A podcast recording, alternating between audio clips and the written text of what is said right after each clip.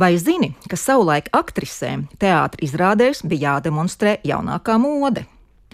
Ja sieviete starpkara Latvijā gribēja uzzināt, kas jaunajā sezonā aktuāls modē, viņai bija vairākas iespējas. Visvienkāršākā - pastaigāt pa Rīgu un paskatīties, kas jauns redzams veikalu skatlogos, kur veikalnieki vai salonu īpašnieks izstādīja jaunākos modeļus.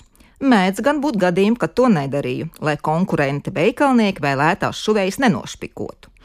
Jaunākās modes varēja apskatīt arī restorānos vai kafejnīcās. Tieši tā nereti tika aizgūti modes dāmu jauno tērpu vai cepurīšu modeļi. Lielisks informācijas avots par jaunumiem modē bija arī preses izdevumi, gan dienas un nedēļas laikraksti, gan izklaidējošie un sieviešu žurnāli. Protams, arī ārzemju modes žurnāli no Parīzes, Vīnes, Berlīnas, Londonas, kas lielā daudzveidībā bija nopērkams specializētajos veikalos, bet īpaši daudz ziņu aģentūras Leta veikalā Baronielā 3. Leta esot piedāvājusi ap 20 dažādus modes izdevumus, pārsvarā no Parīzes, jo Parīze taču bija sieviešu modes noteicēja, un tāpēc saprotams, katrs cenšas iegādāties vispirms īstu franču modes lapu. Žurnāli un dažādas modes lapas bija skatāms arī pie šuvējām drēbniekiem modes salonos. Bet varēja arī vienkārši aiziet uz teātri un ne tikai sev parādīt un citus apskatīt. No aktrisēm tolaik gaidīja ne tikai labu skatuvisko tēlojumu, bet arī modernāko tērpu demonstrēšanu. Turklāt, ja vien netika iestudēts kāds vēsturisks gabals, tērpus izrādēm viņām bija jāgādā pašām. Presa tos neansēti analizēja un mēdz arī līdz pārdzīvot par to, ka aktrisēm liela daļa ienākumu jāizdod tieši par savu vizuālo noformējumu. Daža laba aktrise gandrīz visu savu mēnešu algu izdod toaletēm, un 20% pielikums gardrobei ir tikai mazs piliens aktrises budžetā, lasāms presē 1927. gadā. Luga liels bleķis, bet izrāda toaletu demonstrācija.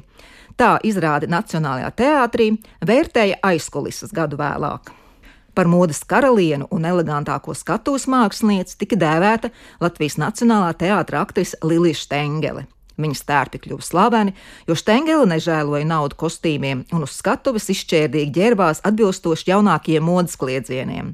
Stengels fotografijas koķitās cepurītēs, kažokādās un greznās vakarkleitās ar dārglietām bieži parādījās presē, un tā viņus tērpus sīki un smalki aprakstīja.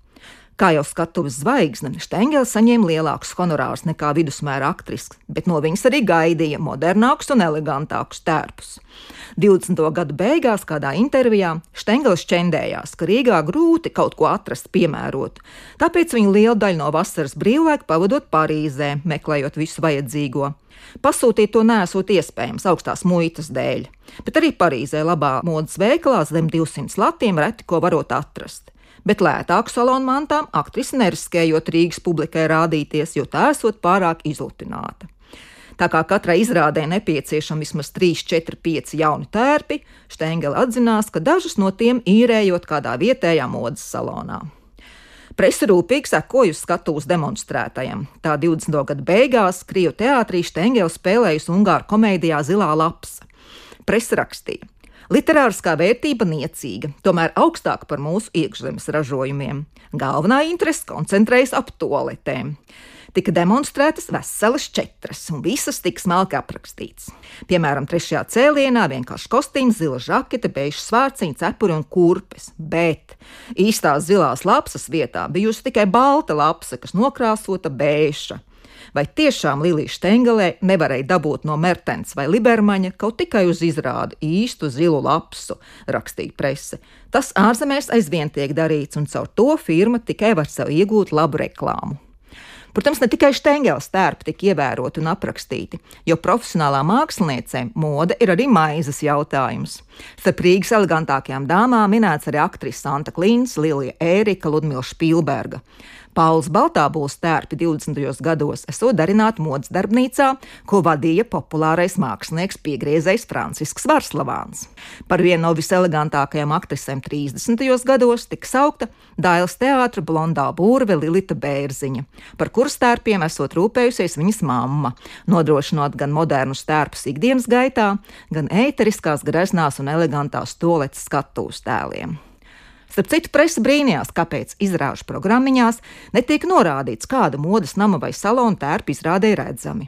Ārzemēs tā esot ierasta prakse, jo lielie modes nami saprotot, ka jaunāko modi var diktēt plašākām masām ne tikai savos salonos, bet arī uz skatuves, un teātris izrāžu programmās tiek norādīti viņu vārdi un adreses.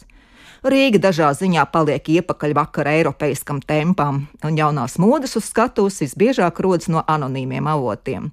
Rīdznieku modes saloni vēl nav skaidrībā par skatuvisks reklāmas vajadzību, rakstīja prese.